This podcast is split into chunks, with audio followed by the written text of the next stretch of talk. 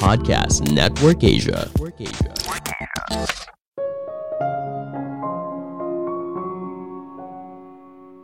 Berbicara di depan umum butuh keahlian yang harus dipelajari serius. Tidak hanya sekedar naik ke atas panggung tanpa persiapan. Halo semuanya, nama saya Michael. Selamat datang di podcast saya, Sikutu Buku. Kali ini saya akan bahas buku The Art of Public Speaking karya Dale Carnegie. Sebelum kita mulai, buat kalian yang mau support podcast ini agar terus berkarya, caranya gampang banget. Kalian cukup klik follow Dukungan kalian membantu banget supaya kita bisa rutin posting dan bersama-sama belajar di podcast ini. Buku ini membahas bagaimana cara berbicara di depan umum. Apa responmu ketika kamu diminta untuk memberikan sambutan atau menjadi pembawa acara untuk acara kantor atau acara sosial? Apakah kamu langsung menyanggupinya dengan senang hati? Kebanyakan orang justru tidak bagi mereka, ini justru menjadi sebuah beban dan cenderung menolaknya. Kenapa? Karena berbicara di depan umum tidak semudah yang kita pikirkan. Tidak hanya sekedar naik ke atas panggung lalu membacakan apa yang ditulis. Tidak begitu. Jika kamu ingin menjadi pembicara yang memukau atau sederhananya, kamu ingin apa yang kamu katakan masuk ke dalam hati orang yang mendengar, maka banyak aspek yang harus kamu kuasai tidak sekedar naik ke atas panggung tanpa persiapan. Saya merangkumnya menjadi tiga hal penting dari buku ini. Pertama, cara berbicara di depan umum. Apakah kamu ingat ketika kamu belajar berenang? Apakah kamu membeli buku belajar panduan cara berenang, lalu baru menggunakan pakaian renang, kemudian langsung bisa berenang?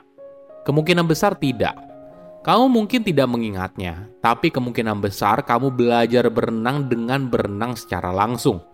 Tentu saja di tahap awal kamu mungkin menggunakan gaya yang aneh atau sering kali hidungmu kemasukan air. Nah, sama halnya ketika kamu belajar soal berbicara di depan umum.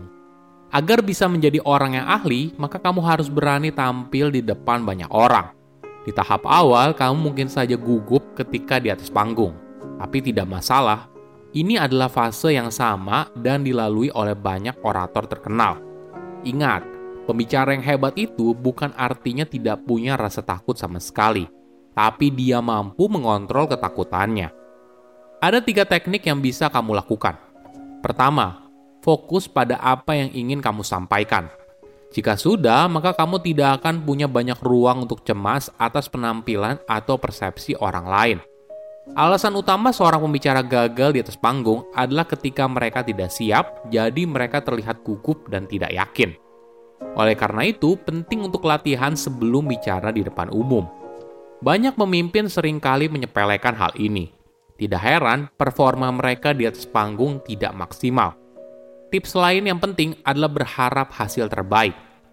Ini bukan berarti kalau kamu jadi sombong atau terlalu pede tapi bayangkan dirimu berhasil memberikan materi di hadapan banyak orang, namun tetap rendah hati dan terbuka untuk perbaikan. Argumen adalah fondasi dasar dari sebuah pidato yang hebat. Namun, jika pidato hanya berisi kalimat yang rasional dan penuh logika, maka hal ini tidak membuatnya menarik. Alhasil, tidak ada yang mendengarkannya dengan seksama. Bagaimana bila menggunakan pendekatan yang berbeda? Bagaimana bila kamu menggunakan imajinasi saat membawakan sebuah pidato? Misalnya begini, kamu sedang membawakan sebuah pidato tentang pentingnya tidak main telepon genggam saat berkendara.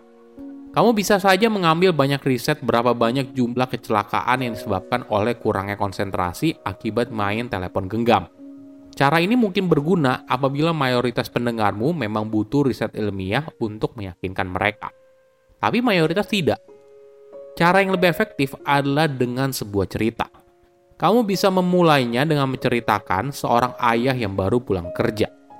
Saat mengendarai mobil dalam kecepatan tinggi, tiba-tiba ada notifikasi pesan. Si ayah pun membuka ponselnya, membaca, lalu mulai mengetik sambil mengendarai.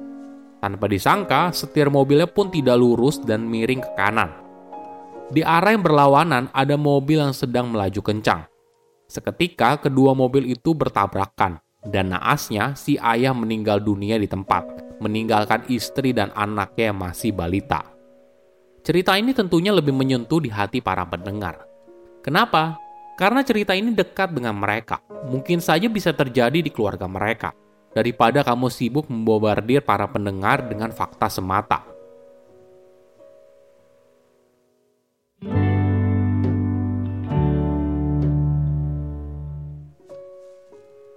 Kedua, gunakan emosi untuk mengunggah pendengar. Coba bayangkan dua orang pembicara yang sedang membawakan pidato tentang anti perbudakan pada masa sebelum hal ini dihapuskan. Pembicara pertama merupakan seorang politisi berkulit putih yang punya rekam jejak yang hebat dalam hal gerakan anti perbudakan. Pembicara kedua merupakan seorang ibu berkulit hitam yang pernah berada di sebuah lelang perbudakan dan melihat langsung dengan mata kepalanya sendiri anak laki-lakinya dijual. Mana pembicara yang lebih menyentuh? Tentunya pembicara kedua kan? Kenapa? Meskipun banyak wanita tersebut tidak menjalani pelatihan formal soal public speaking, tapi mereka punya sesuatu yang luar biasa, yaitu kekuatan perasaan. Perasaan dan emosi memandu kita saat menjalani hari. Analoginya gini, kenapa kamu suka minum air dingin dan tidur di ranjang yang empuk? Mungkin saja tidak ada alasan logis yang spesifik, tapi hal ini terasa benar Inilah yang perlu kita perhatikan saat menjadi pembicara di atas panggung. Argumen yang rasional tentu saja penting, tapi coba pikirkan beberapa bagian yang bisa kamu selipkan untuk mengunggah perasaan para pendengar. Ada eksperimen yang menarik. Sebuah perusahaan pembuat jam tangan di New York menjalankan dua kampanye perikanan. Di iklan yang pertama fokus pada fitur jam tersebut, ketahanannya, kegunaannya, dan desainnya. Sedangkan di iklan kedua, fokus pada sisi emosional, di mana jam itu akan membawa kebanggaan bagi si pengguna. Hasilnya, iklan kedua justru lebih baik dan mampu menjual dua kali lipat daripada dengan iklan pertama.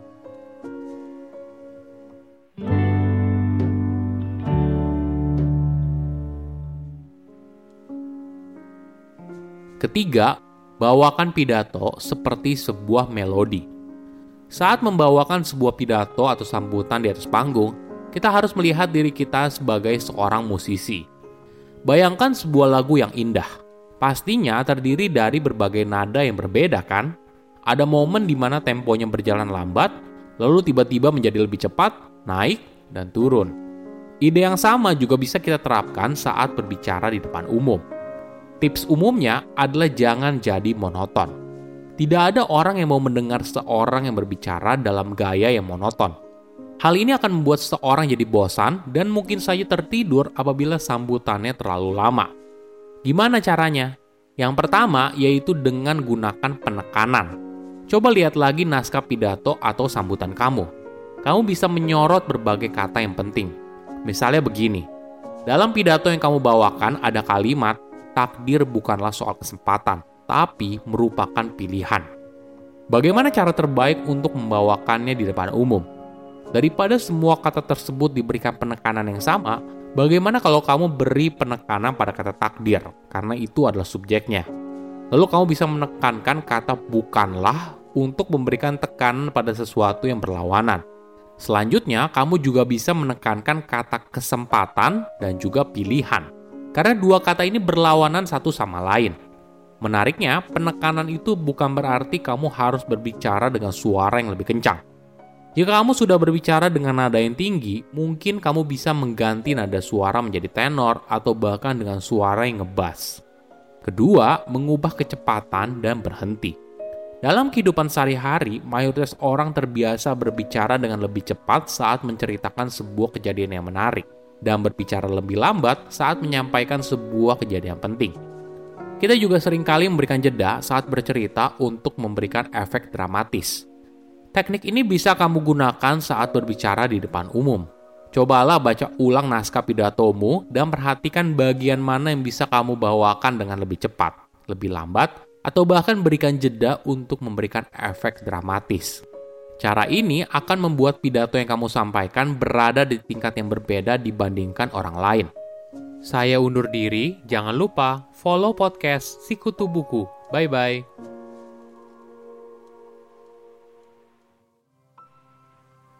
Pandangan dan opini yang disampaikan oleh kreator podcast, host, dan tamu tidak mencerminkan kebijakan resmi dan bagian dari podcast Network Asia.